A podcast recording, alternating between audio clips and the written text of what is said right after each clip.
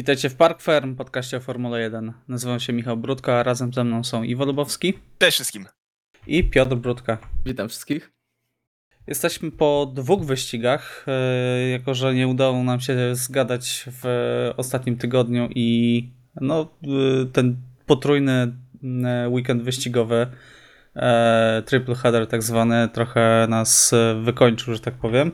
E, Na szczęście e, w Meksyku nie za wiele się działo, także dzisiaj e, porozmawiamy zarówno o tym, co jednak działo się w Meksyku, jak i o Grand Prix Brazylii. Także jakie są Wasze wrażenia? Może tak na początek ogólnie o tych dwóch wyścigach, a później przejdziemy już konkretnie do, do tego, co się działo w jednym i w drugim. Mm, To może ja zacznę wtedy. Jeżeli chodzi o oba wyścigi, to one miały taką bardzo wspólną cechę. Także polega na tym, że 80 tak do 80%, od 85% wyścigu nic się nie działo.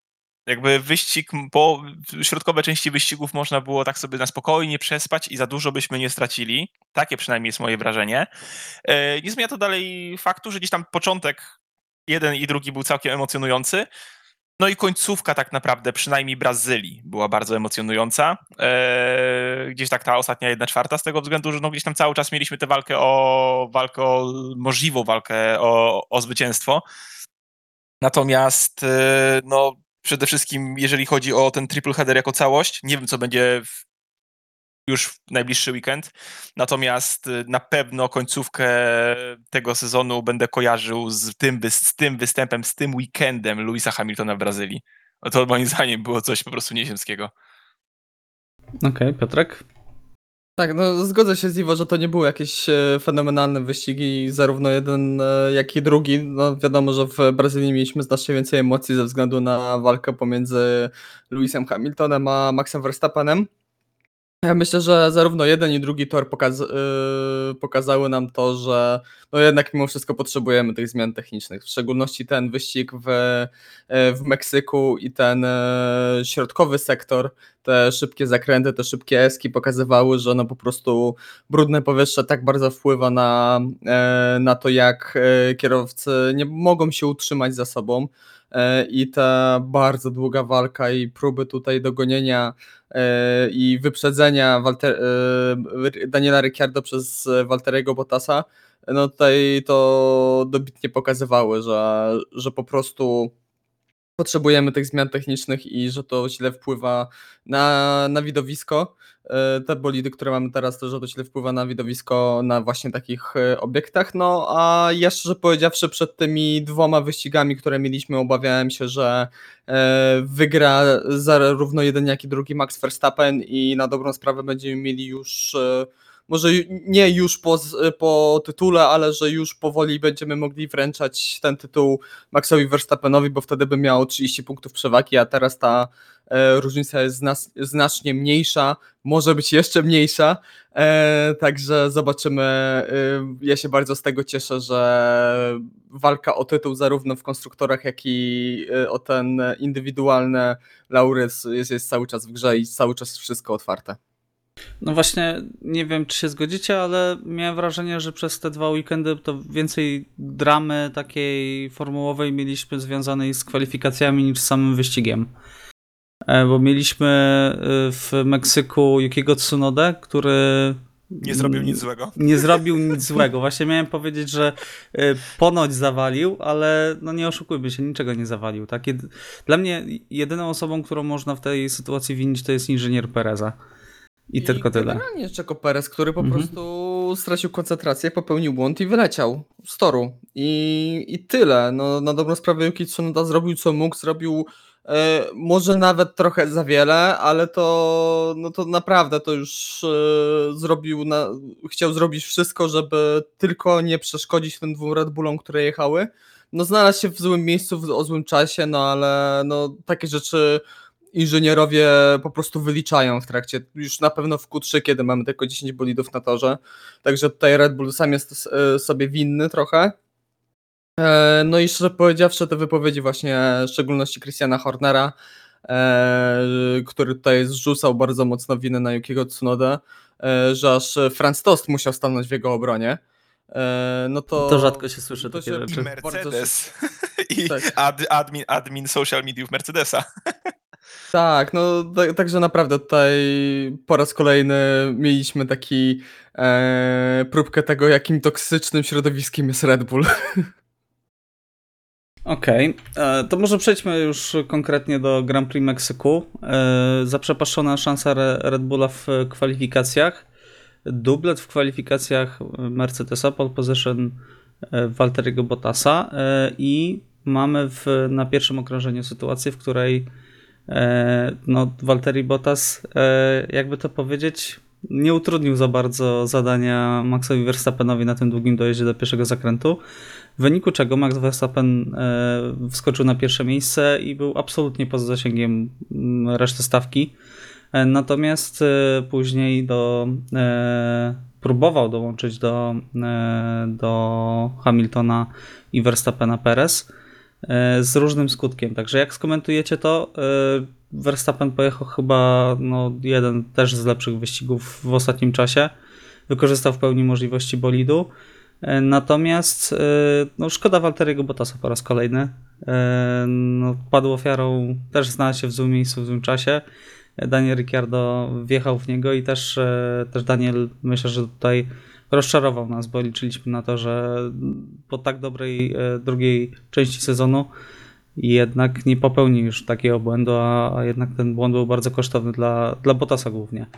Że jak to skomentujecie? Znaczy był kosztowny dla jednego i drugiego, ale tutaj aż tak bardzo bym e, w Daniela nie, nie, nie winił, bo tak jak pierwszy raz zobaczyłem w szczególności to nagranie z, e, z onboardu, z pokładu Walteriego Potasa, no to można się zastanawiać jakim prawem w ogóle sędziowie na, się tym nie zajęli. E, generalnie po tych dwóch weekendach to możemy bardzo dużo dyskutować o decyzjach sędziów. I po raz kolejny. Po raz kolejny, to już naprawdę cały czas mnie to dziwi, cały czas się na to denerwuję, już ale jednocześnie trochę mnie zaczyna nudzić ten temat. E, ale wracając, e, no, to był taki typowy incydent z pierwszego okrążenia. Daniel Ricciardo trochę przyblokował opony, trochę za późno zahamował, no ale z drugiej strony też Walteri Bottas dosyć beztrosko ściął e, do, do wewnętrznej, będąc przekonany, że nikogo tam nie będzie. Jeden drugiego nie widział, traf, e, jeden wpadł na drugiego, także tutaj e, myślę, że aż takiej wielkiej winy Daniela Ricciardo akurat tam nie było. No, źle to się skończyło i dla jednego, i dla drugiego, bo jeden i drugi spadli na koniec stawki. Szkoda mi wielka właśnie Walteriego Bottasa, bo przejechał naprawdę fantastyczne kwalifikacje i i, pewnie i tak, się, y, tak by się nie utrzymał na, na pierwszym miejscu, ale o podium w tym wyścigu z Sergio Perezem myślę, że mógłby w stanie powalczyć. Dobrze, Iwo, zgadzasz się tutaj z opinią, że Daniel Ricciardo nie, nie powinien otrzymać kary i nie była to jakaś straszna wina z jego strony? Znaczy, wydaje mi się, że łagodzące jest to, że jest to typowy tak zwany, wiadomo, turn one incident. No, takie rzeczy się zdarzają, szczególnie kiedy jest gęsto od samochodów. E, jest to definitywnie wina e, Daniela Ricciardo, natomiast e, bardziej jest taka z zakresu faktycznie incydentu, tak jak wcześniej wspomniałem. A wynika to raczej z faktu też, że Walteri Bottas wydaje mi się, to nie jest usprawiedliwienie oczywiście, natomiast wydaje mi się, że Walteri Bottas mógłby tego uniknąć, ponieważ sami widzieliśmy, jak zostawi miejsce Verstappenowi. Myślę, że gdyby to on się znalazł mocniej po zewnętrznej, tak jak logika podpowiadała przynajmniej mi jako widzowi, e, można było tego łatwo uniknąć, no ale wiadomo, no, my patrzymy z perspektywy telewizorów i, i, i, i łatwo nam w tym momencie to oceniać. Natomiast y, samym startem Valtteri Bottas myślę, że się nie popisał, odsłaniając całą lewą flankę właśnie Maxowi. E, natomiast e, no nic, zdarzyło się tutaj, jest to bardziej wina Daniela, na to, ale no tak jak, tak jak mówiliśmy, no to się zdarzyło, to się zdarzyło na pierwszym okrążeniu, samochodów było dużo, zresztą widzieliśmy, co się stało chwilę dalej jeszcze ze Estebanem Okonem. Tak, Esteban Okon fantastycznie to zrobił. Jechał sobie po prostu i nagle zniszczył dwa zawieszenia w przeciągu trzech sekund. Tak, to no, było istne wariactwo. No po prostu. No. Dzięki, dzięki Esteban. Stefan w ogóle nie skręcił kierownicy, zwolnił, bo przed nim e, się dwój, e, Walteri Bottas obrócił, a dwóch w niego wjechało, także no tutaj Stefan też jest kompletnie bez winy akurat tutaj. Zgadza się, zgadza się. No ale nic. Wydaje mi się, że można było tej sytuacji uniknąć, tej kolizji Walteriego i Ricciardo, ale tak jak mówię, no my to sobie możemy teoretyzować, że jesteśmy tacy mądrzy po obejrzeniu wyścigu. No jak zawsze, no. Jak, jak każdy jak ekspert. E, No dobrze, to powiedzcie mi w takim razie, czy Red Bull zrobił błąd, dając, e, znaczy nie podcinając Hamiltona, tak?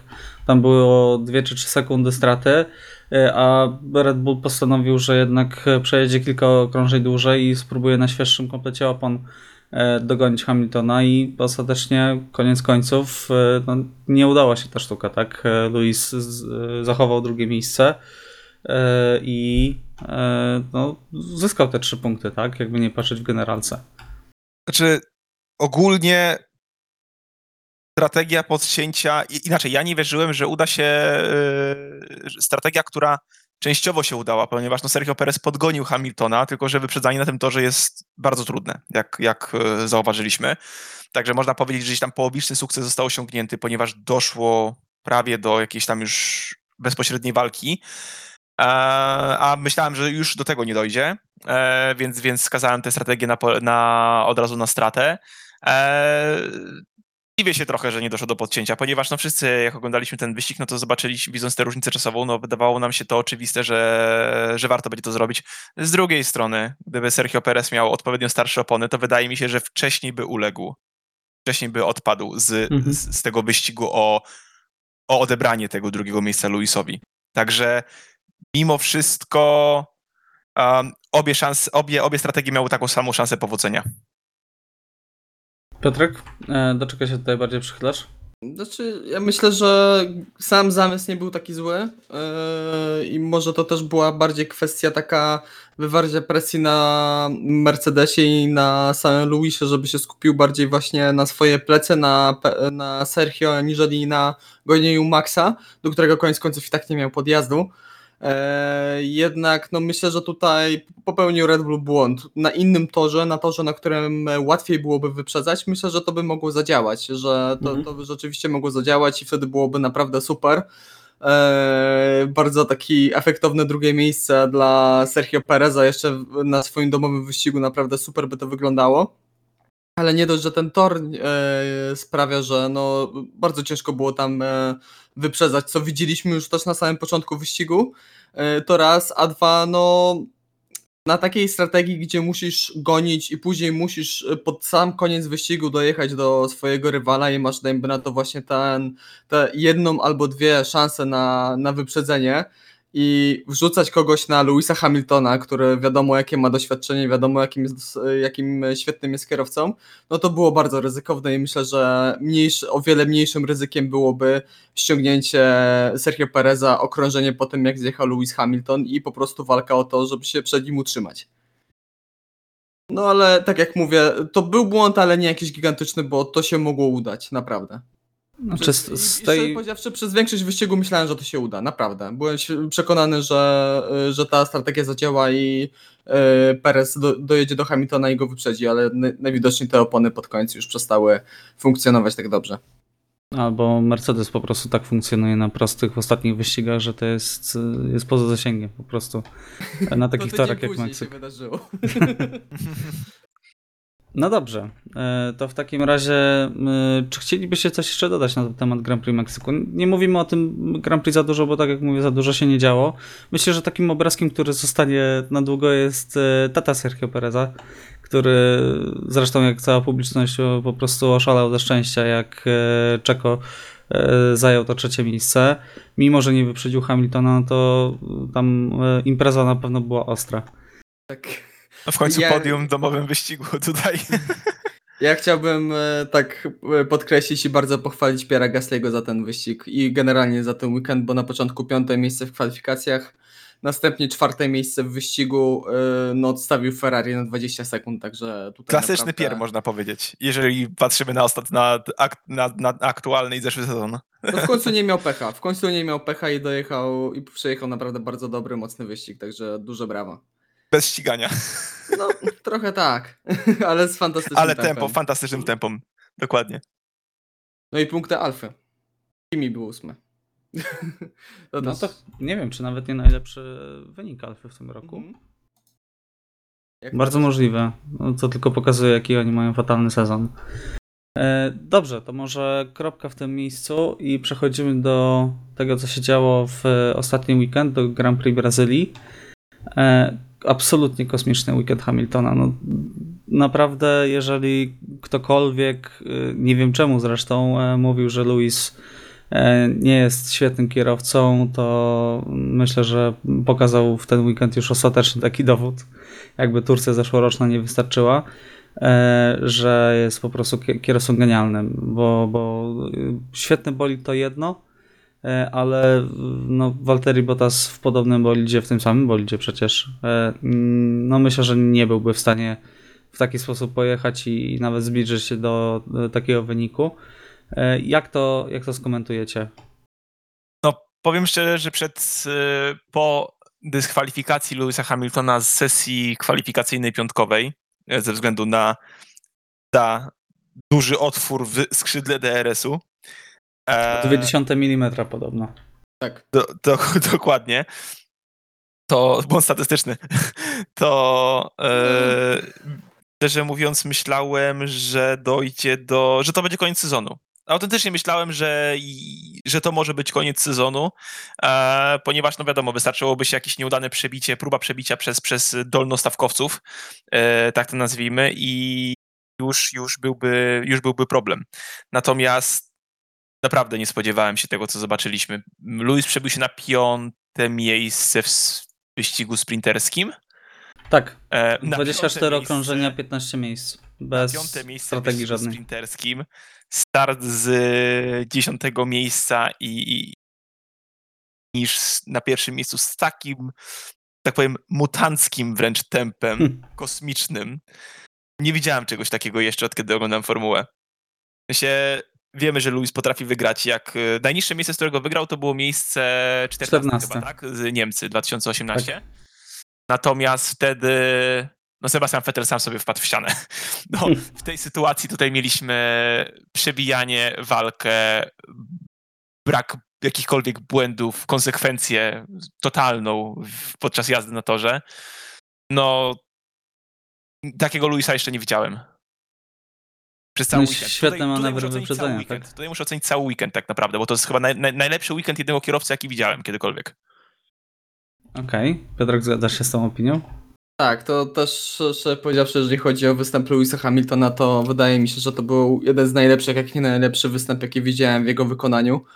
Eee, bo to, to, co już też powiedzieliście, no, y, niesamowicie szybki bolid i to dziko szybki bolid na prostych. Zwłaszcza na naprawdę. prostych, to jest... To jest niedorzeczne, jak ten samochód był szybki, jakie miał różnice. Mi to się momentami przypominało e, raz zeszły sezon, jak często Mercedes miał taką gigantyczną przewagę nad resztą stawki, e, a dwa, no po prostu momentami to jak się, w szczególności w tym sprincie, jak się przebijał przez te bolidy Alpin, e, Astona Martina, to to wyglądało jak World Endurance Ser- Series i e, jak bolid, jak Hypercar wyprzedza samochód LMP2. To momentami to aż takie różnice tam były, także to e, no niesamowite, ale też z jaką, jak niesamowicie naładowany był sam Lewis, jak niesamowicie naładowany po tej decyzji sędziów, po tej dyskwalifikacji był w ogóle cały Mercedes, Toto Wolff, wszyscy, to po prostu Tak, oni byli tak naładowani. tak, e, kipiało od nich taką sportową złością, taką furią wręcz sportową, że to dało się wyczuć w każdym jednym komunikacie radiowym. I myślę, to też nawet na, na kamerze pokładowej Louisa Hamiltona, ja wiele razy widziałem, jak on niesamowicie agresywnie jechał przez zakręt numer 12, ten, y, czyli ten zakręt przed tą długą, prostą start meta, taką, no wiadomo, że tam ta Tak. prosta jest taka Mhm.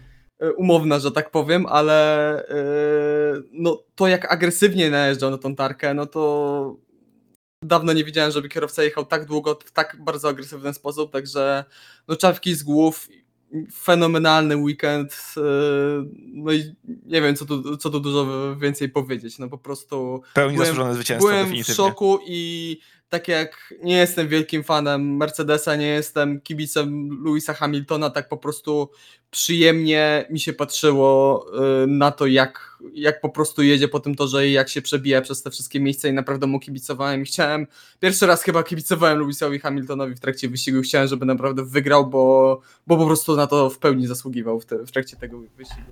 Ile to było? 6 okrążeń z 10 miejsca na trzecie? Tak, tak, to było. Ja, ja, aż tak. E, e, się śmiałem z tego, że Walteri Bottas pewnie musiał być niesamowicie zdziwiony, że tak szybko musi oddawać te pozycje, bo pewnie spodziewał się, że w pewnym momencie w trakcie tego wyścigu dogoni go Lewis Hamilton i będzie oddawał te pozycje, ale myślę, że piąte, szóste okrążenie to się sam nie spodziewał i, i, i możliwe, że głównie dlatego w ogóle nie protestował, tylko już był tak zdziwiony, że dobra, jedź chłopie. Znaczy, y, też Fernando Alonso po sprincie, tak, dopytywał się przez radę, nie wiem, czy tego słyszeli, czy to słyszeliście, Tak, e, który skończył Hamilton piąty. Uch. tak. A, także to mieliśmy jeszcze właśnie przed tym e, sprintem, przed tym wyścigiem mieliśmy tu dużo kontrowersji i sędziowie wtedy zaczęli już e, nam wywijać tutaj różnego rodzaju fikołki z, tym, z tą decyzją, jeżeli chodzi właśnie o to, czy. No właśnie, karę, czy porozmawiamy, dawać. porozmawiajmy o tym, e, co się stało e, odnośnie tej kary. E, Było badanie techniczne po kwalifikacjach i wyszło, że e, skrzydło, tylne skrzydło jest nieregulaminowe, tak? E, Tam różnica była odchylenia o 0,2 mm. Jednocześnie mieliśmy ogromne kontrowersje z Maxem Verstappenem, który dotknął skrzydło Hamiltona.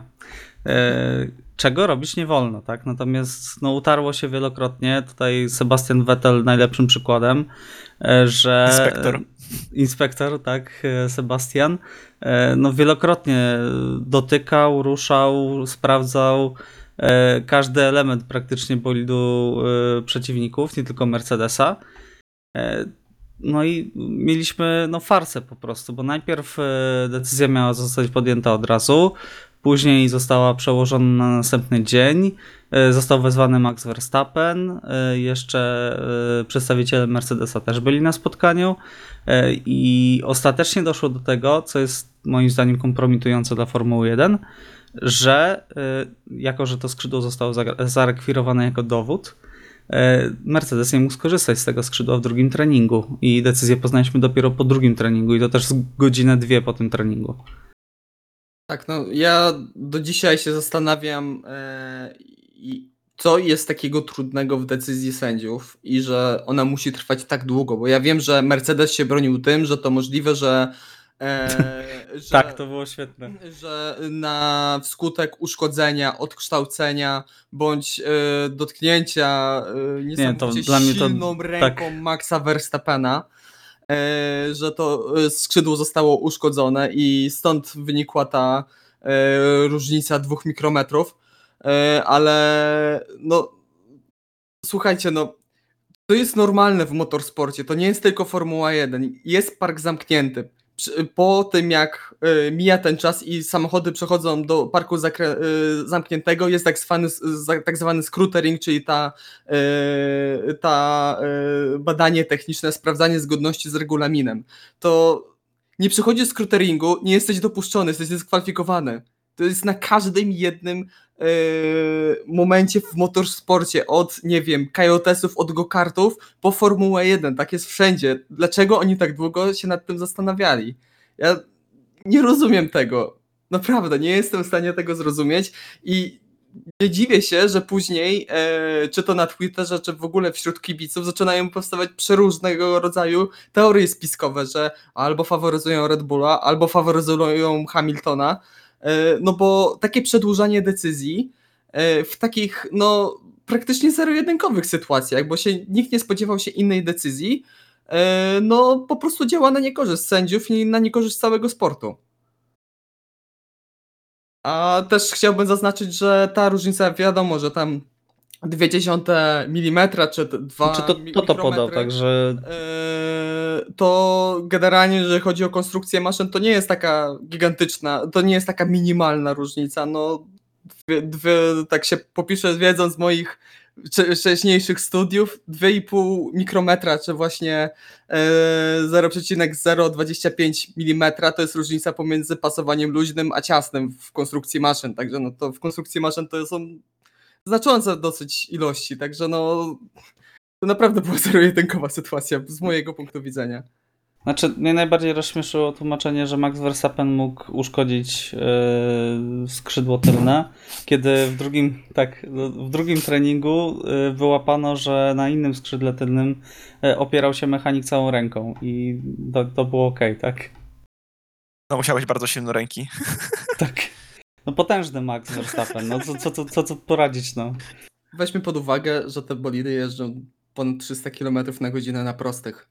No Glock tak powiedział, Gigantyczne że... siły, które działają na te części Tak. aerodynamiczne. E, Timo Glock się wypowiedział jeszcze przed ogłoszeniem kary, że gdyby takie dotknięcie powodowało uszkodzenia, to żaden bolid nie byłby dopuszczony do rywalizacji. Dokładnie. No ale Mm. przynajmniej napięcie na Twitterze w sobotę rano wywalało poza skalę. Tak. No nikt nie oglądał drugiego treningu, tylko odświeżał Twittera, żeby zobaczyć, czy decyzja już zapadła, tak? Tak jest. Ja się przyznaję, że zapomniałem o drugim treningu. Ja tylko sprawdzałem yy, właśnie. Nie, do Piotrek, jak Twittera. byłeś nie oglądać drugiego treningu? Tak. I to przed W sprintem. weekendzie sprinterskim, tak? Tak. Ale, ale on wygrał ten trening, pamiętacie o tym? Pierwszy Ta- raz. tak, od ta paru 80 ładnych lat. czy 70 przewagi miał chyba, tak. No, a później w wyścigu już nie było tak fajnie. No niestety. No dobrze, czyli e, akceptujemy, e, bo nie ma innego wyjścia, karę dla Louisa Hamiltona. Lewis Hamilton pokazał, że myślę, że to może zadam wam jeszcze jedno pytanie. Czy sądzicie, że gdyby nie było wyścigu sprinterskiego i w niedzielę startowałby z 20 miejsca, to by może nie powiem, że wygrał, ale chociaż czy wygrałby? Jak sądzicie? Mm. Nie, chyba już, bo jednak przewaga, przewaga zrobiła się duża. Tam już było 10 sekund na końcu. Tylko, że wiadomo, że Max Tak. już od, odpuścił, on już nie mógł trzymać tego tempa e, i też na pewno nie jechał na, na sto, znaczy na pewno, tak się wydaje, że nie jechał na 100%, e, ponieważ nie było już sensu. E, natomiast wydaje mi się, że byłaby, było, byłoby podium, ale nie byłoby zwycięstwa. Po prostu ta różnica czasu i tego przebijania się wcześniejszego jednak e, no, sprawiłaby, że, że, że, że, że nie dałby rady już tam dojechać. Albo straciłby opony e, Przykładem, wcześniej. przykładem chyba dobrym jest sprint, tak? Gdzie jednak przebił się na piąte miejsce, ale tracił do pierwszej dwójki chyba z 20 parę Dokładnie, sekund. dokładnie. Znaczy ja myślę, że mógłby walczyć tutaj yy, o drugie miejsce w tym wyścigu. Eee, wątpię, żeby wygrał z Maxem Verstappenem, ale myślę, że tutaj drugie miejsce było jak najbardziej w zasięgu Louisa Hamiltona, biorąc pod uwagę, jakie dzikie miał tempo. No oczywiście tutaj yy, zwolennicy yy, tego, że teorii, że Lewis Hamilton jest najbardziej szczęśliwym człowiekiem w tym sporcie. I No bo coś w tym jest. farta. Nie, on ma naprawdę bardzo dużo szczęścia. To jak porównamy sobie ilość, y, proporcje sytuacji, kiedy ma się farta, kiedy ma się pecha i zestawimy Louisa Hamiltona, na przykład takiego Roberta Kubice, no to mamy niebo a ziemię, no. Także jest tutaj naprawdę e, Lewis Hamilton ma trochę szczęścia, no ale z drugiej strony można powiedzieć, no szczęście sprzyja lepszym i tutaj w tym wypadku, w, te, w ten weekend naprawdę szczęście. No szczęściu prostu- trzeba pomóc, tak? I Dokładnie. zdecydowanie pomógł Lewis Hamilton ten weekend. Dokładnie. No, no oczywiście y, ten sprint mu znacznie pomógł, bardzo mu pomógł, ale y, to nie jest kwestia tego, że tylko dzięki temu sprintowi wygrał ten wyścig, bo naprawdę no, mówię, ja cały czas jestem w szoku i zostanie mi to naprawdę na długie, długie lata ten wyścig i ten weekend cały. No dobrze. E, To jakie są wasze przewidywania na to, co się wydarzy w następnych trzech wyścigach? Tak ogólnie na ten moment. Mamy trzy wyścigi do końca, 14 punktów różnicy między dwoma e, pierwszymi kierowcami. O. Jak się to potoczy waszym zdaniem? Mi się wydaje, że kolejny wyścig wygra Lewis Hamilton. E, w Arabii Saudyjskiej wygra Lewis Hamilton. Pierwszy, najszybsze okrążenia zdobędą Sergio Perez i Valtteri Bottas. Max będzie kończył na drugim miejscu. Spotykamy się w Abu Zabi mając 368,5 punktów, jeden i drugi. Kierowcy się o siebie rozbijają, wygrywa Max Verstappen, ponieważ ma więcej zwycięstw. Cie- cie- Ciekawe skąd wziąłeś ten scenariusz, powiem ci. Nie, oczywiście z tym y, mam nadzieję, że do rozbicia nie dojdzie, ale... Ale Nie, gdyby tak było... Żeby wy, wyjaśnić naszym słuchaczom, e, dokładnie to napisałem wczoraj na naszej grupie facebookowej, także Naprawdę? było 10 punktów Ale za ja kreatywność. Ja to też na Reddicie, ja, jak, przepraszam, że ci podopałem pomysł, ja to też, też coś takiego na Reddicie czytałem. Naprawdę, naprawdę. A, a sytuację ze, z, z y, rozbiciem się dwóch kierowców Żeby nie nasz, było, to nie był mój e, oryginalny Nasz kolega D- Daniel napisał, także... którego serdecznie pozdrawiamy. No tak, ale gdyby się rozbili w ostatnim wyścigu czysto teoretycznie, to pewnie Max Verstappen wtedy chyba wygrywa. Mistrzostwo ma więcej zwycięstw. Tak, tak. Nie, a tak zupełnie poważnie to po tym, co zobaczyliśmy w Brazylii, tak naprawdę, bo mi się wydawało, że mm, Katar, jeżeli chodzi o konstrukcję toru, tak mniej więcej wydawało nam się, że może tam być jakaś większa szansa dla Red Bulla, przynajmniej czysto teoretycznie. Po Brazylii jakby, ciężko mi powiedzieć, czy, czy, czy Mercedes może gdzieś jeszcze tak odstawać bardzo w stosunku do, w stosunku do Red Bulla.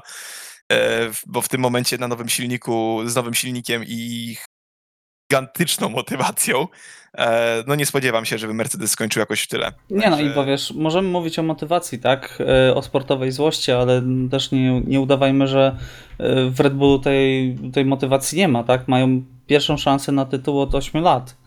I to taką naprawdę realną. oczywiście, ja tytuł się- jest na wyciągnięcie ręki praktycznie. W pełni się zgadzam, tylko teraz tak, jakby pytanie, jak będą wyglądać osiągi faktycznie Red Bulli w stosunku do tego, co zaprezentował Lewis Hamilton, bo no, żaden, że Red Bull nie miał startu do, do Hamiltona, prawda? No nie mówimy o drugim jeszcze samochodzie.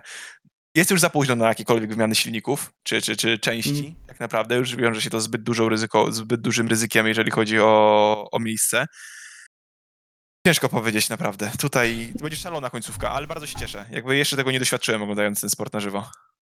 E, Czytałem wypowiedź Christiana Hornera, który powiedział, że e, podejrzewają, że to jest jakieś inne mapowanie silnika, e, stąd ta kosmiczna przewaga i ta, że ta przewaga wynosi 20 e, koni mechanicznych. Także to jest no, ogromna różnica. Gdyby Red Bull wymienił silnik na nowy, to odrobiliby tylko 3 konie mechaniczne w stosunku do tego, co ma Mercedes teraz. No, Helmut Marko nazwał ten silnik dziełem sztuki, także Wow. To jest bardziej pochlebne niż kiedykolwiek się wypowiedział o kierowcy ze swojej stajni. Powiem ci, że kiedy szef zespołu powiedział o kierowcy, że jest dziełem sztuki, to myślę, że mogłoby być to dziwnie odebrane. Proporcjonalnie rzecz ujmując.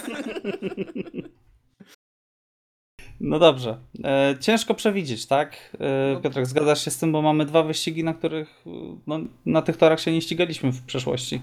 Tak, no Także nie mamy żadnego punktu odniesienia. magiczna kula by się przydała, która by nam jakoś pomogła tutaj przewidzieć, co się wydarzy. Znaczy, ja myślę, że e, nawet rozmawialiśmy o tym, Michał, ostatnio, że moim zdaniem, biorąc pod uwagę cały kalendarz, e, Red Bull ma bardziej taki Uniwersalny? wyrównany, uniwersalny pakiet, bardziej uniwersalny samochód, który jest e, szybszy od Mercedesa na większej ilości obiektów, co też myślę, że e, po części przekłada się na to, ile wyścigów wygranych w tym sezonie ma Lewis Hamilton, a ile wyścigów wygranych ma Max Verstappen. E, ale no nie wiem, ciężko powiedzieć. Ja bardzo chciałbym, żeby się, e, był ten scenariusz, o którym tutaj Iwo już wspomniał, e, żeby jeden i drugi kierowca do Abu Zabi pojechali e, z identyczną ilością Ostatniego punktów. miejsca. E, żeby, żeby ta różnica pomiędzy nimi była, e, była jak, jak najmniejsza e, i żeby po prostu było, kto skończy wyścig wyżej, ten zostaje mistrzem świata. I chciałbym bardzo takiego zakończenia sezonu, bo nie mieliśmy tego od 2016 roku. Także... A to też był bardzo specyficzny finał sezonu. Tak, tak, który też pozostawał. Tamten finał sezonu nie był taki, że wszyscy byli rozemocjonowani, tylko przynajmniej ja pamiętam, że ja byłem mocno zniesmoczony po tamtym wyścigu. Tak. E, Dla tych, którzy nie oglądali, e, Lewis Hamilton e, jechał na pierwszym miejscu, musiał wygrać wyścig, natomiast Nico Rosberg musiał być poniżej drugiego miejsca, tak? E, Poniżej tam trzeciego miejsca, to jakoś w tym No stylu. możliwe. E, Natomiast Nico Rosberg jechał na drugim miejscu i Lewis Hamilton specjalnie spowalniał w odpowiednich momentach e, stawkę e, i głównie Nico Rosberga, żeby reszta go wyprzedziła. E, Mimo tego, że zespół e, no, wielokrotnie, co kilka okrążeń mówił e, Lewis nie wygłupiej się, jedź normalnym tempem. Tam już wszyscy się zaczęli odzywać, wyłącznie z Toto Wolfem, także Tak. tam naprawdę była napięta atmosfera. Eee, I no i właśnie tak jak mówię, byłem bo- mocno zniesmaczony, także bardzo czekam i chciałbym, żeby to zakończenie sezonu było właśnie takie, że jest równa liczba punktów i kto skończy wyżej, ten wygrywa, po prostu. No dobrze, to może porozmawiamy o reszcie e, stawki, bo tak rozmawiamy już e, ponad pół- pół godziny na temat e, Na dobrą sprawę Red Bulla i Mercedesa, No a za tak? okrążenie 48 i wyjazd i decyzja sędziów. Nie rozmawiamy o tym, czy później? No dobrze, to porozmawiamy. Chciałem na chwilę małą przerwę zrobić, pauzę Już na inne zespoły, że, ale już myślałem, że mi odbierzesz narzekanie na sędziów. no dobrze Piotrek, to proszę bardzo przedstaw Ponarzekaj na sytuację, sędziów. ponarzekaj na sędziów, miejmy to już z głowy. Tak, wiemy to już z głowy. No, dla tych, co nie oglądali, sytuacja wyglądała tak, że była walka, powiedzmy, dojazd do trzeciego zakrętu.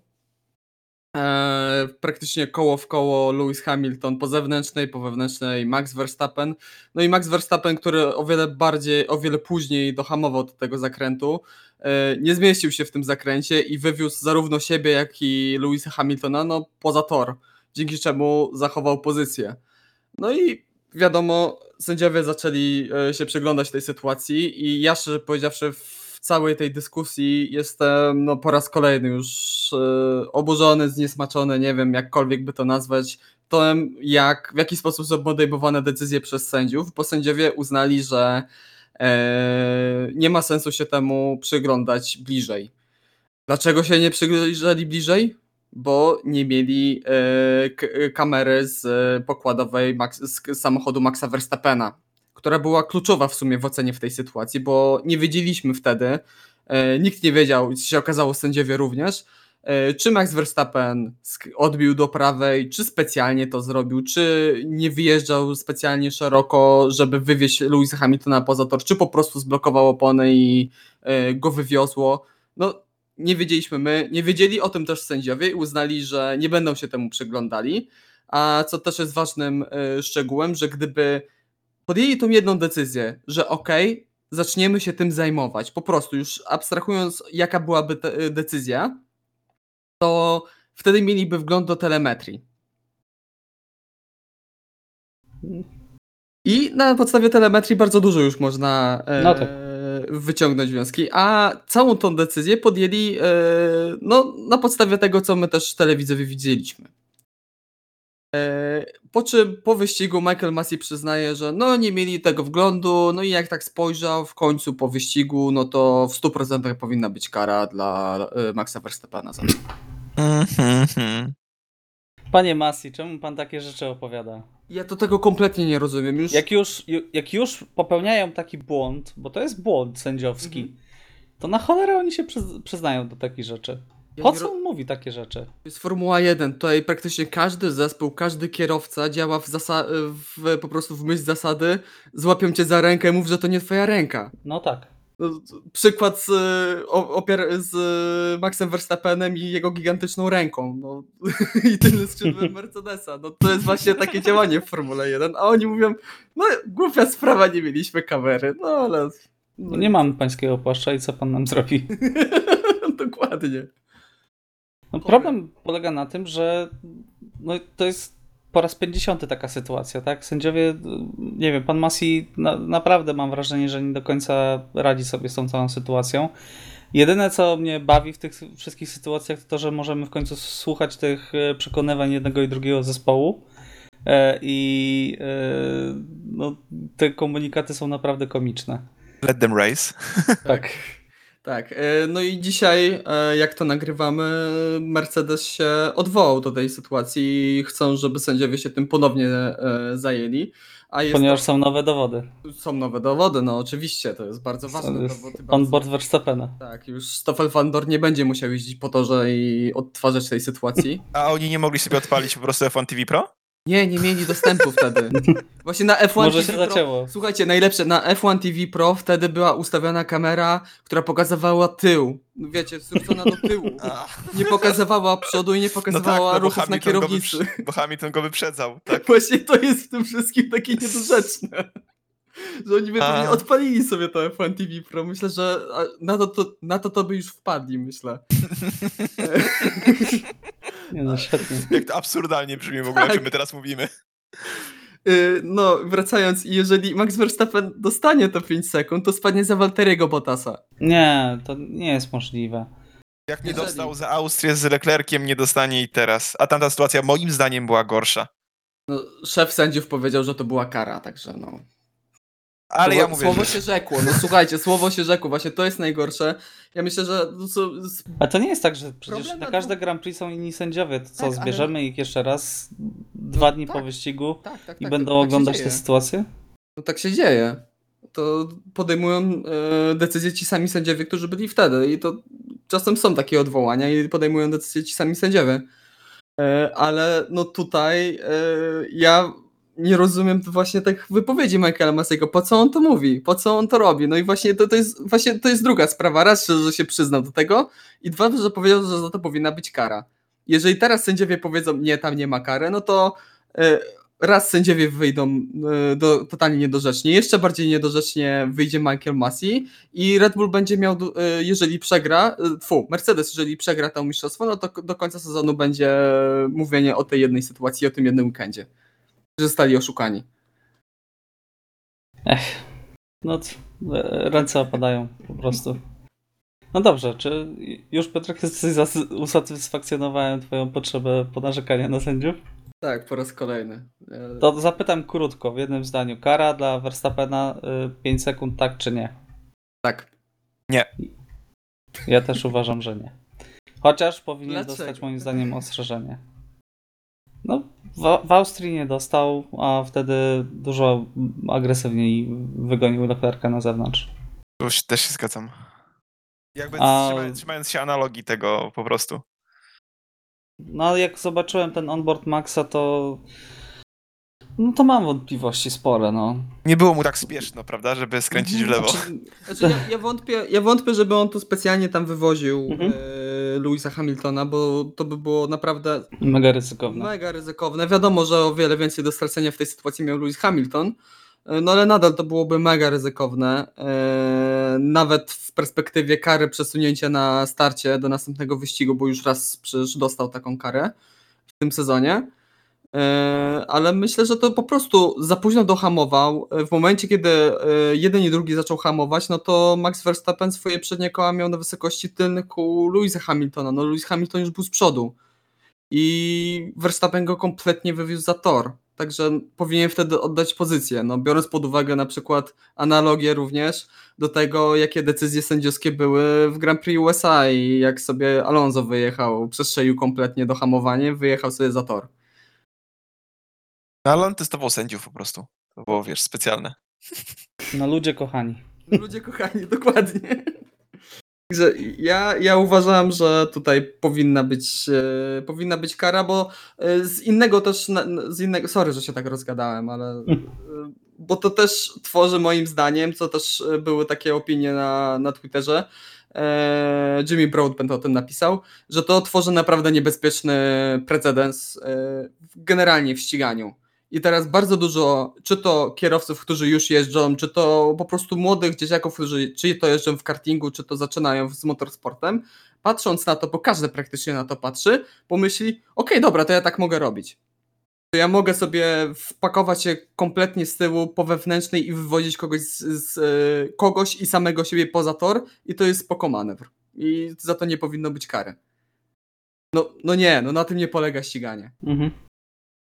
Znaczy tak, jeżeli Max by dostał za to karę, to nie byłbym oburzony tym. Potrafiłbym to zrozumieć. Mhm. Natomiast u- uważam, że mimo wszystko tej kary nie powinno być. No dobrze. To zamykamy już wątek? Tak, już nie będę mówił o sędziach, obiecuję. Poczekajmy do kolejnego wyścigu. Jakby. Proszę nie. Dobrze, przejdźmy dalej. E, Ferrari kontra McLaren. E, Rozmawialiśmy o tym chyba w poprzednim odcinku, e, że Ferrari trochę uciekało, ale McLaren miał mieć dużo lepszą pasę w Meksyku i w Brazylii, bo te tory ponoć im dużo bardziej pasowały.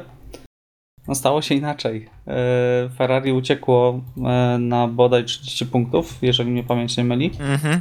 31,5. Tak jak 31,5 punktu y, różnicy, no to jest już naprawdę dużo. Biorąc pod uwagę, że Ferrari no po pierwsze ma mocne tempo, po drugie to tempo jest bardzo równe. W każdym z trzech, czterech ostatnich wyścigów no dojeżdżają na tym piątym, szóstym miejscu, czy nawet wyżej troszeczkę e, ale dojeżdżają, tak? I dojeżdża zarówno jeden kierowca, jak i drugi. A McLaren ewidentnie złapał zadyszkę i to trzecie miejsce w konstruktorach e, ucieka. Jakie jest wa- wasze zdanie? Tutaj walka skończona, czy, czy trafi się jeszcze jakiś przebłysk McLarena w tym wyścigu, w tym sezonie? Znaczy, wydaje mi się, że te zaokrągle 31, i- dobra, 31,5 punktu to jest tak naprawdę różnica, która jest, nie jest taka trudna do zreperowania dla, dla, dla McLarena, jeżeli mamy wziąć pod uwagę dyspozycję tego zespołu na przestrzeni całego sezonu i No ale McLaren nie był mocny od Grand Prix Rosji na dobrą sprawę. tak, ale zauważmy, że wystarczy jeden tak naprawdę mocny. my- My często o tym mówiliśmy, jak mieliśmy dwa zespoły Mm. obok siebie, szczególnie, szczególnie kiedy czterech kierowców walczy bardzo blisko. E, szczególnie, że Daniel Ricciardo się gdzieś tam do tego w końcu dołączył już jakiś czas temu. E, tak, e, to jest kwestia dosłownie jednego wyścigu. Co to był za wyścig, gdzie dwa, dwa Racing Pointy się, jeden się wyło, jeden się spalił, a drugi wylądował na dachu, którego nie ma. E, e, to był, e, to był zesz, to był 2000, Mugello? nie Mugello, tylko Bahrain. To nie był Sakir, bo na Sakirze Okej. wygrał. s- Yy, tak, był, Has spłonął. nie, znaczy po, po, Ale- spalił się, zaropali się silnik w trakcie, w trakcie, w trakcie A, wyścigu tak, Sergio tak, Perezowi tak, tak, i to tak, był dobra, Bahrain, tak, to był tak, tak, Bahrain masz rację, 2000, masz rację. 2020, prawda? Tak, to tam było był tak, Bahrain. Sakir, i Sakir, dokładnie. To jakby tam też rozmawialiśmy na ten sam temat dokładnie. E, I no w- tutaj tak naprawdę też wystarczy jeden wyścig, e, gdzie widzimy, że te dwa zespoły akurat no tutaj już dochodzi do większej gdzieś tam ilości ogólnie awarii i, i, i jakichś kontaktów niż e, w dwóch walczących o zwycięstwo mistrzostw e, zespołach. Także e, Ferrari jest zdecydowanie lepszej dyspozycji od paru wyścigów, szczególnie, że ma jednak równiejszych kierowców. No w tym momencie Charles Leclerc 148, Carlos Sainz 139,5 punkta, także już się troszeczkę od siebie oddalili, ale dalej są bardzo blisko. E, ale nie przekreślałbym jeszcze McLarena. Mimo wszystko wydaje mi się, że biorąc pod uwagę, co się ostatnio dzieje z Ferrari, jak równo jadą, to Ferrari ma teraz większą szansę na zdobycie trzeciego miejsca. No, wystarczy spojrzeć na Lando Norrisa, który też mam wrażenie, że ma trochę pecha, ale też Tak. obniżył trochę loty. E, dajmy na to. Od czerwca do przerwy wakacyjnej miejsce piąte, piąte, trzecie, czwarte, e, piąte. E, I Węgier nie ukończył. E, W ostatnich od Grand Prix Rosji, gdzie wiadomo, że stracił e, na ostatnich okrążeniach zwycięstwo, siódmy, siódmy, ósmy, dziesiąty, dziesiąty. No to widać, że tutaj różnica jest ogromna. Tak, no ale w międzyczasie, no w szczególności te dwa ostatnie wy, wyścigi były dosyć mocno pechowe dla McLarena, no bo w Meksyku Lando Norris wymieniał jednostkę napędową, startował z tyłu, e, o Danielu Ricciardo w Meksyku już dyskutowaliśmy dzisiaj, e, no a tutaj, tutaj no też na dobrą sprawę incydent na pierwszym e, okrążeniu i Lando Norris, który spadł na sam koniec stawki, ja też mógł się tam e, myślę, bić e, z Ferrari e, gdzieś tam z przodu. E, No a Daniel Ricciardo no, pechowo miał awarię w trakcie tego wyścigu, także myślę, że tutaj e, trochę pechowo McLaren, e, ale też zgodzę się z Iwo. Tutaj, jeżeli chodzi o tabelę konstruktorów, tutaj wszystko się może nagle zmienić. Jeden mocniejszy wyścig, coś się z przodu nawywija, jakieś e, tutaj wypadki pomiędzy Mercedesami a Red Bullami znajdziesz się w dobrym miejscu w, w, o dobrym czasie i możesz naprawdę zdobyć bardzo dużą ilość punktów.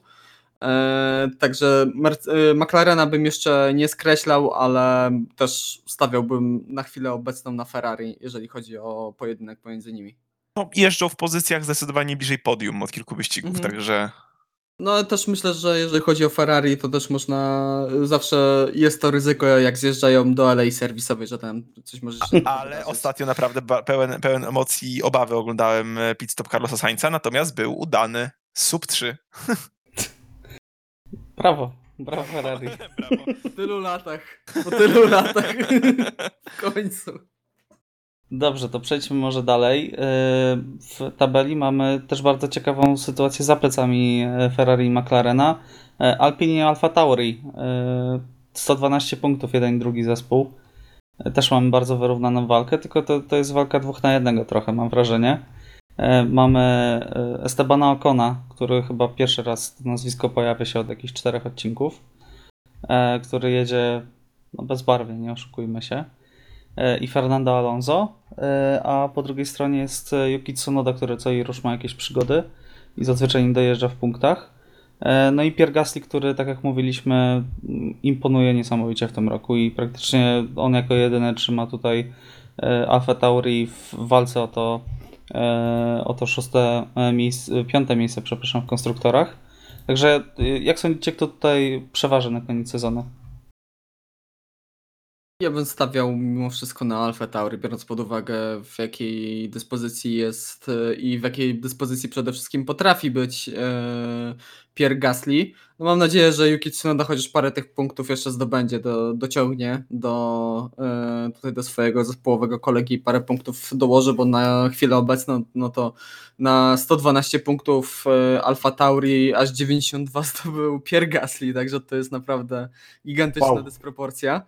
Eee, No ale zobaczymy, jak to będzie wyglądało. Eee, Tutaj, jeżeli chodzi o, o trochę podobna sytuacja jak na linii McLaren e, Ferrari. Wydaje mi się, że akurat e, e, jeżeli chodzi o e, Alpin, tutaj mamy bardziej równych kierowców, no ale oni z kolei mają gorszy samochód. Alpin jest, wydaje mi się, znacznie e, mniej zbalansowaną konstrukcją niżeli tutaj Alfa Tauri. E, i dla nich dużym sukcesem jest, jak udaje im się dostać do Q3, a Pierre Gasly dosyć regularnie do tego Q3 e, No, Pierre. Gasly to zazwyczaj piąte, szóste miejsce. No dokładnie, no a Yuki Tsunoda no, miał trochę powiedzmy pecho, pechowy start w Meksyku.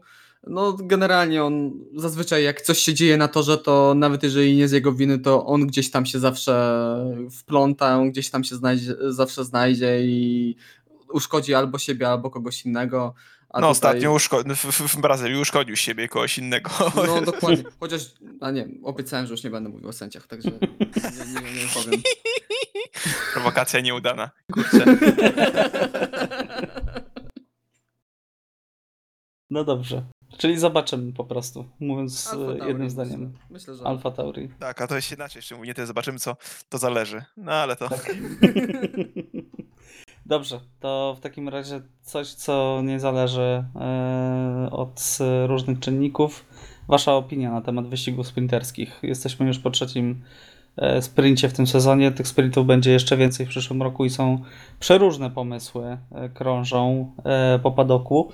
Jakby tutaj uatrakcyjnić jeszcze widowisko i jak zmienić te sprinty i ten format. Jakie jest Wasze zdanie na temat tego eksperymentu? Bo ja szczerze powiedziawszy nie jestem przekonany absolutnie. Tak Mm. średnio bym powiedział, szczerze powiedziawszy. Znaczy no, jest to pewne urozmaicenie i to może zadziałać, ale e, na minus z tych sprintów działają dwa czynniki, moim zdaniem największe, czyli raz to to, że jest mało punktów, że praktycznie e, tylko pierwsza trójka te punkty zdobywa i kierowcy nie ryzykują. E, Druga sprawa, że to jak się skończy ten sprint e, decyduje o tym, jak, e, z którego miejsca wystartujesz w niedzielę. I gdzie są pełna pula punktów do zdobycia. Także większość kierowców, i to nawet widać było na najlepszy przykład Valtteri Bottas i Max Verstappen, gdzie wydawało się, że Max, Max już jest naprawdę bardzo blisko za, za Valtterim, że będzie próbował wyprzedzić i nawet dostał taki niejednoznaczny, ale nadal komunikat od zespołu, że no Max spokojnie, nie spiesz się, uważnie, nie szarżuj z tym atakiem. E, właśnie, żeby, żeby ta- tam coś złego się nie, nie przytrafiło, że jakiś obrót, jakieś urwanie przedniego skrzydła, no i wtedy e, praktycznie masz całą niedzielę z głowy, także, także myślę, że to trzeba zmienić, że te wyścigi muszą, sprinterskie muszą być jakimś takim trochę oddzielnym bytem, z mniejszą ilością punktów, oczywiście proporcjonalnie, ale żeby to, jak się skończy ten sprint, nie wpływał na to, jaka jest kolejność na starcie w niedzielę. No ja słyszałem taki pomysł, który krąży po padoku, Ted Krawic go przedstawił, że y, sprinty mają być oddzielną klasyfikacją. Ma być 10 punktów y, dla pierwszej dziesiątki, czyli pewnie 10, 9, 8, 7 i tak dalej. E, I y, no, mają nie wpływać na klasyfikację, tak? Czyli najprawdopodobniej y, będzie sytuacja, w której e, no, mamy e, start na podstawie, nie wiem, klasyfikacji kierowców, e, żeby, nie wiem, dajmy na to Verstappen pierwszy, Hamilton drugi i tak dalej, i tak dalej. a w piątek kwalifikacje decydują o kolejności w niedzielę. Ja nie rozumiem, czemu nie weźmiemy formatu z zeszłorocznego formatu i też przyszłorocznego formatu z kategorii juniorskich, z F2 i F3. Czy- Czyli reverse grid dla pierwszej dziesiątki? Tak, że w sobotę mamy ten sprint, mniejsza ilość punktów, pierwsza dziesiątka jest odwrócona, no i się ścigamy. No a w niedzielę na podstawie kwalifikacji, jakie były, czy to w piątek, czy to w sobotę rano, już nieważne kiedy, no ale w niedzielę jedziemy ten stary, klasyczny, normalny wyścig. Myślę, że to i by Mhm. rozwiązało problem, że jeżeli chodzi o widowiskowość, bo te e, wyścigi sprinterskie są takie często, no mamy akcje przez 3-4 pierwsze okrążenia i później się ustabilizują i przez to odwrócenie pierwszej dziesiątki mielibyśmy o wiele więcej akcji. To raz, a dwa, no nie wpływałoby to na, na, na niedzielę i myślę, że kierowcy byliby e, o wiele odważniej by e, ryzykowali. Okej, Iwo, jakie jest twoje zdanie na ten temat? E, Zgadzam się, ponieważ jeżeli chodzi o obecną formę kwalifikacji sprinterskich, przepraszam, sprintu kwalifikacyjnego, no ja jest ja, duże nie ode mnie, e, właśnie ze względu na brak sensu pod tym kątem, że widać, że kierowcy nie chcą ryzykować i jest za to za mało punktów. Ale tu się nie będę powtarzał, ponieważ Piotrek już podał argumenty odpowiednie. E, I też popieram, że jeżeli już mamy się decydować na jakiś, dodatkowych for, na, na jakiś dodatkowy format, dla mnie jako fana formuły nie jest to nic potrzebnego. Ja nie, nie potrzebuję niczego więcej niż sobotnie kwalifikacje i niedzielny wyścig, szczerze mówiąc, szczególnie, że wyścigów mamy mieć aż tyle, e, szczególnie jeszcze na przestrzeni kolejnych lat. Ale jeżeli już, no to najchętniej przyjąłbym właśnie taki format, jaki jest w seriach juniorskich, czyli e, odwróconą kolejność. Wydaje mi się, i oczywiście całość, tak, z większą ilością punktów, dokładnie analogicznie, ale nie chciałbym zobaczyć osobnej klasyfikacji dla sprinterskich wyścigów. Wydaje mi się, że to jest takie. to- Trochę się rozmyje ta cała, tak No. naprawdę, to całe widowisko, to, to, to na co czekamy, na te niedziele wyścigowe, na które faktycznie czekamy, tak naprawdę. I co, i wtedy byłby mistrz świata sprintów Sprint, Formuły 1? mistrz sprintów. Nie, nie, nie, nie, nie, bez, bez szans, bez szans. I mały pucharek na końcu dostajesz. No jak w skokach narciarskich. Bardzo szybki. Masz małą kryształową kulę zaloty narciarskie. Albo, albo w rajdach samochodowych, gdzie pilot dostaje też z tytuł mistrza świata, ale ma mniejsze trofeum niż kierowca. Albo za najszybsze y, kółko w kwalifikacjach dostajesz y, opony. A nie, czekaj. Ale na koniec roku mogliby złotą oponę dawać. Tak. Stać ich. Dobrze. E, to przejdźmy dalej. E, zobaczymy, jak to się rozwinie. E, my jesteśmy na ten moment na nie. E, dosyć zgodnie, o Ale dziwo. będę wspominał, będę wspominał na pewno Louisa Hamiltona z Brazylii i Fernando Alonso z Wielkiej Brytanii. Jeżeli Okej. chodzi o sprinterskie wyścigi.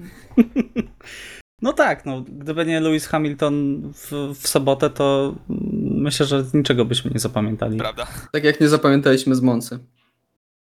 Daniel. Ricciardo. Tam był, sprint, faktycznie. Tam Daniel Ricciardo był szybki. No, A był szybki wyścig. wow, Tak. super. Kierowca był szybki. Dobra. Przechodzimy dalej. E, Skończyła nam się oficjalnie, już możemy zakończyć silly season e, w Formule 1. Wyjątkowo wcześnie w tym roku. E, Mamy tym połowę roku. listopada, Właśnie tak. tym roku. Natomiast Guan Yu Zhou został e, potwierdzony dzisiaj jako kierowca Alfa Romeo. Żadne zaskoczenie. E, Spodziewaliśmy się tego już od dłuższego czasu. E, Ponoć było to już klepnięte w, na początku września, natomiast później to zamieszanie z panem Andrettim, który chciał przejąć zespół, spowodowało, że to ogłoszenie się opóźniło. Antonio Giovinazzi dosyć gorzko wypowiedział się na temat Formuły 1 e, że no jest wspaniałe, wyścigi są świetne i to jest pasja i miłość do sportu i tak dalej, natomiast e, kiedy przychodzi do pieniędzy, to Formuła 1 jest bardzo brutalna. Trudno się z tym nie zgodzić, natomiast Ale- moim zdaniem Giovinazzi nie zasłużył na kolejny sezon Formuły 1. Ja się z tą zgodzę, weźmy pod uwagę, że w dużej mierze Giovinazzi w ogóle znalazł się w Formule 1 yy, i przez tyle lat w tej Formule 1 był, dlatego że był wychowankiem Ferrari. Włoskim wychowankiem Ferrari Włoskim wychowankiem Ferrari i tylko i wyłącznie dlatego. No, jasne, no, no nie dawał argumentów po prostu. Miał ten przebłysk w tym swoim pierwszym, pierwszym debiucie. E, ten pierwszy wyścig jeszcze E, to było chyba też w Zauberze, jeżeli dobrze W Zauberze, pamiętam. tak. tak. W Zauberze. E, I ten jego pierwszy wyścig był naprawdę taki bardzo widowiskowy, drugi, wyś- drugi weekend wyścigowy już był o wiele gorszy. E, No tam przy- to chyba była Malezja jeszcze, tak? Dobrze kojarzę? Albo Tak. Chiny? e, te, w Chinach się rozbił bardzo Rozbił potężnie. się w, na prostej startowej chyba. Mhm, Na wyjściu z ostatniego zakrętu tam na tarce go zarzuciło mu tyłem i się bardzo potężnie rozbił. E, No ale bez, bez większej historii, szczerze powiedziawszy, ta kariera Antonio Giovinazziego w Formule 1. Ja, ja sobie nie przypominam jakichś takich momentów do zapamiętania. Takich, No ja pamiętam mi Kraksy w Grand Prix Belgii. No, To chyba tak. dwa razy nawet. Mhm, no, no ale to nie świadczy dobrze o kierowcy. Taki No był- nie był to wybitny kierowca, taki no był trochę solidny. Kazus, kazus Okona trochę. Trochę tak. Że on ma kontrakt na kolejne 3 lata. Ale to tak, no, zgadzam się, zgadzam się z Piotrkiem, zgadzam się, zgadzam się z tobą Michał też, no nie zapamiętam raczej Giovinazziego specjalnie za pewnie kolejnych parę lat. Tak samo jak, nie pamiętamy już raczej, o, pa- pa- pamiętam, prawda, o Brendonu Han- y, Hartleyu, który, który, który jeździł, ale też no był, miał dużo pecha, ale no był, po prostu jeździł. Ja tak samo zapamiętam, zapamiętam Giovinazziego. Niespecjalnie się wykazał, tak mi się wydaje. Jasne, może nie miał tyle takiego tak dobrego sprzętu, ale popełniał błędy, które e, zapamiętujemy, a nie zapamiętujemy za bardzo osiągnięć, których za bardzo nie było, po prostu. No ja jeszcze zapamiętam jak go Fred Wasser gonił z nożyczkami. Na pierwszy punkt? E, chyba tak. Jak gotowali z Kubicą. To było Tak. też fajne. No sympatyczny gość, który będzie jeździł w Formule E, natomiast chciałbym też przejść na drugą stronę tego medalu, czyli Guan Yu Zhou. Też gość, który no, wchodzi głównie z budżetem, nie ukrywajmy. E, I no, nie błyszczał w seriach juniorskich. E, Tak czytałem dzisiaj taki tekst, że praktycznie z każdym swoim kolegą z zespołu przegrywał e, na przestrzeni lat i e, miał zawsze bardzo dobry sprzęt, albo przynajmniej dobry, e, a jednak e, no, nie odnosił spektakularnych sukcesów. Nie, jak weźmiemy pod uwagę jego osiągnięcia w kategoriach juniorskich, no to w Formule 3 pierwszy sezon 13 miejsce, drugi sezon 8 miejsce, trzeci sezon 8 miejsce, w Formule 2 teraz też jest jego trzeci sezon, w debiutanckim se- sezonie 7 miejsce, w, w zeszłorocznym sezonie 6 miejsce, no i teraz jest e, na drugim miejscu w klasyfikacji generalnej, no ale to też to jest trochę jak Nicolas Latifi, szczerze powiedziawszy, to Tak. jest taka mocno bliźniacza sytuacja jak dla mnie. Mnie strasznie boli, że Piastrego e, nie ma. Że nie ma Piastrego, który szturmem przechodzi przez te e, kategorie juniorskie trochę jak e, Charles Leclerc i George Russell i dla niego tego miejsca w Formule 1 niestety nie będzie. I mi jest trochę smutno z tego powodu. A, wydaje mi się, że akurat coś odleczy, to nie uciecze w przypadku Piastriego. Znaczy, mam nadzieję, że, Mm. że, że, że dziś swoją szansę dostanie, ale też jestem... Widać, że to jednak wchodzi budżet, no i gdzieś też pewnie, no... Proszę was, pierwszy chiński kierowca w Formule No 1, właśnie. nie? To, to musi się stać. Ogromny prostu, rynek. To musi się stać. Więc z punktu biznesowego, jaki się za tym kryje, jest to dla mnie zrozumiałe. Oczywiście widziałbym na jego miejscu kogoś innego, ale no, co zrobić. Życzę mu jak najlepiej natomiast, żeby faktycznie start, start w zespół i, nowy sezon miał na pewno lepszy niż Nikita Mazepina. No na pewno nie będzie miał łatwego życia, bo trafi do zespołu e, z zupełnie nowym bolidem, co akurat może być na jego korzyść. e, Bo Bez przyzwyczajeń. Bez przyzwyczajeń, dokładnie. Natomiast no, będzie miał za rywala Wa- Walteriego Bottasa, który, no, jakby nie patrzeć, jest kierowcą no, topowym, tak? E, Który co prawda dysponował w ostatnich latach genialnym bolidem, ale jednak e, wielokrotnie pokazywał, że potrafi z tego korzystać, tak? Wygrał z 10 wyścigów e, i potrafił czasami podgryzać Louisa Hamiltona, kiedy jeszcze mistrzostwo nie było rozstrzygnięte. Jest na pierwszym miejscu, jeżeli chodzi o kierowców, którzy z największą ilością pole position, czyli 20, 20, a bez tytułu mistrzowskiego. To też jakiś na plus. A w tym sezonie ma więcej pole position niż Lewis Hamilton. No proszę. Bota stop. No dobrze, to czego się spodziewacie po Grand Prix Kataru? E, nowy tor zupełnie.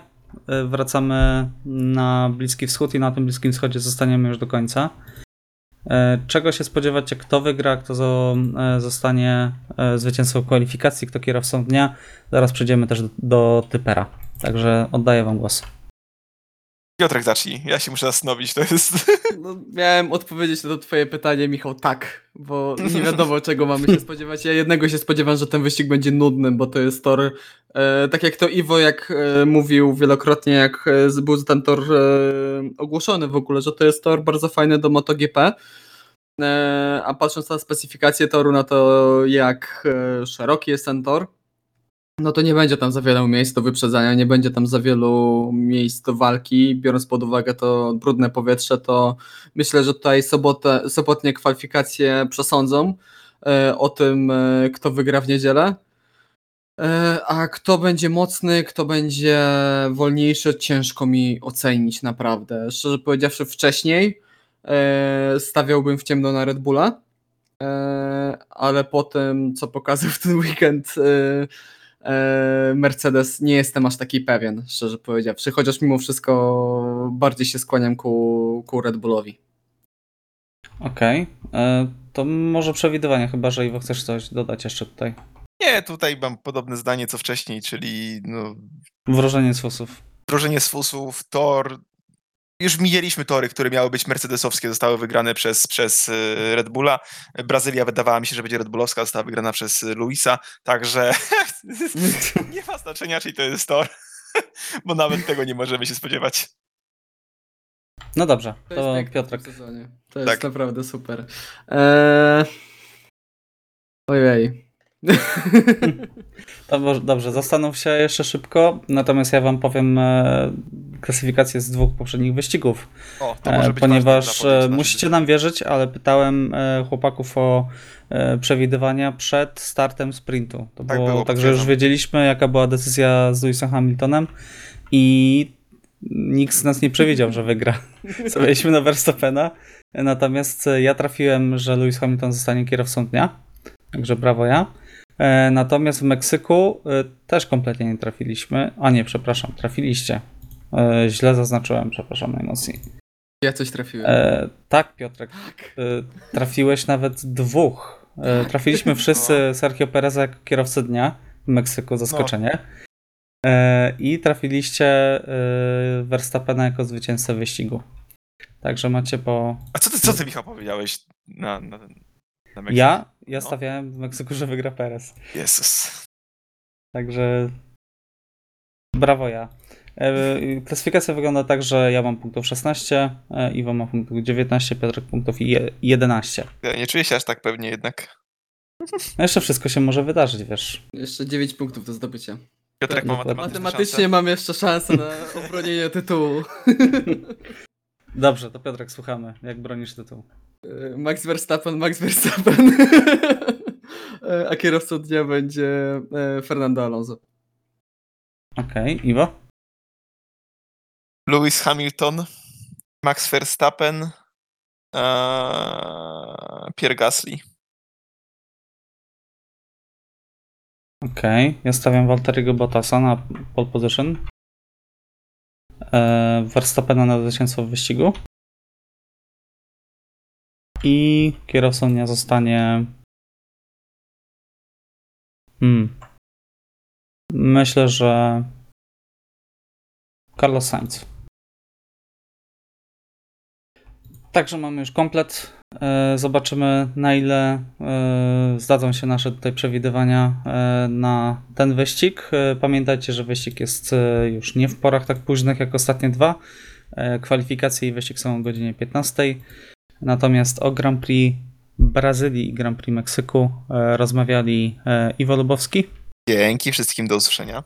Piotr Brudka Dzięki wszystkim, cześć. i Michał Brudka. Trzymajcie się, cześć, dzięki za słuchanie.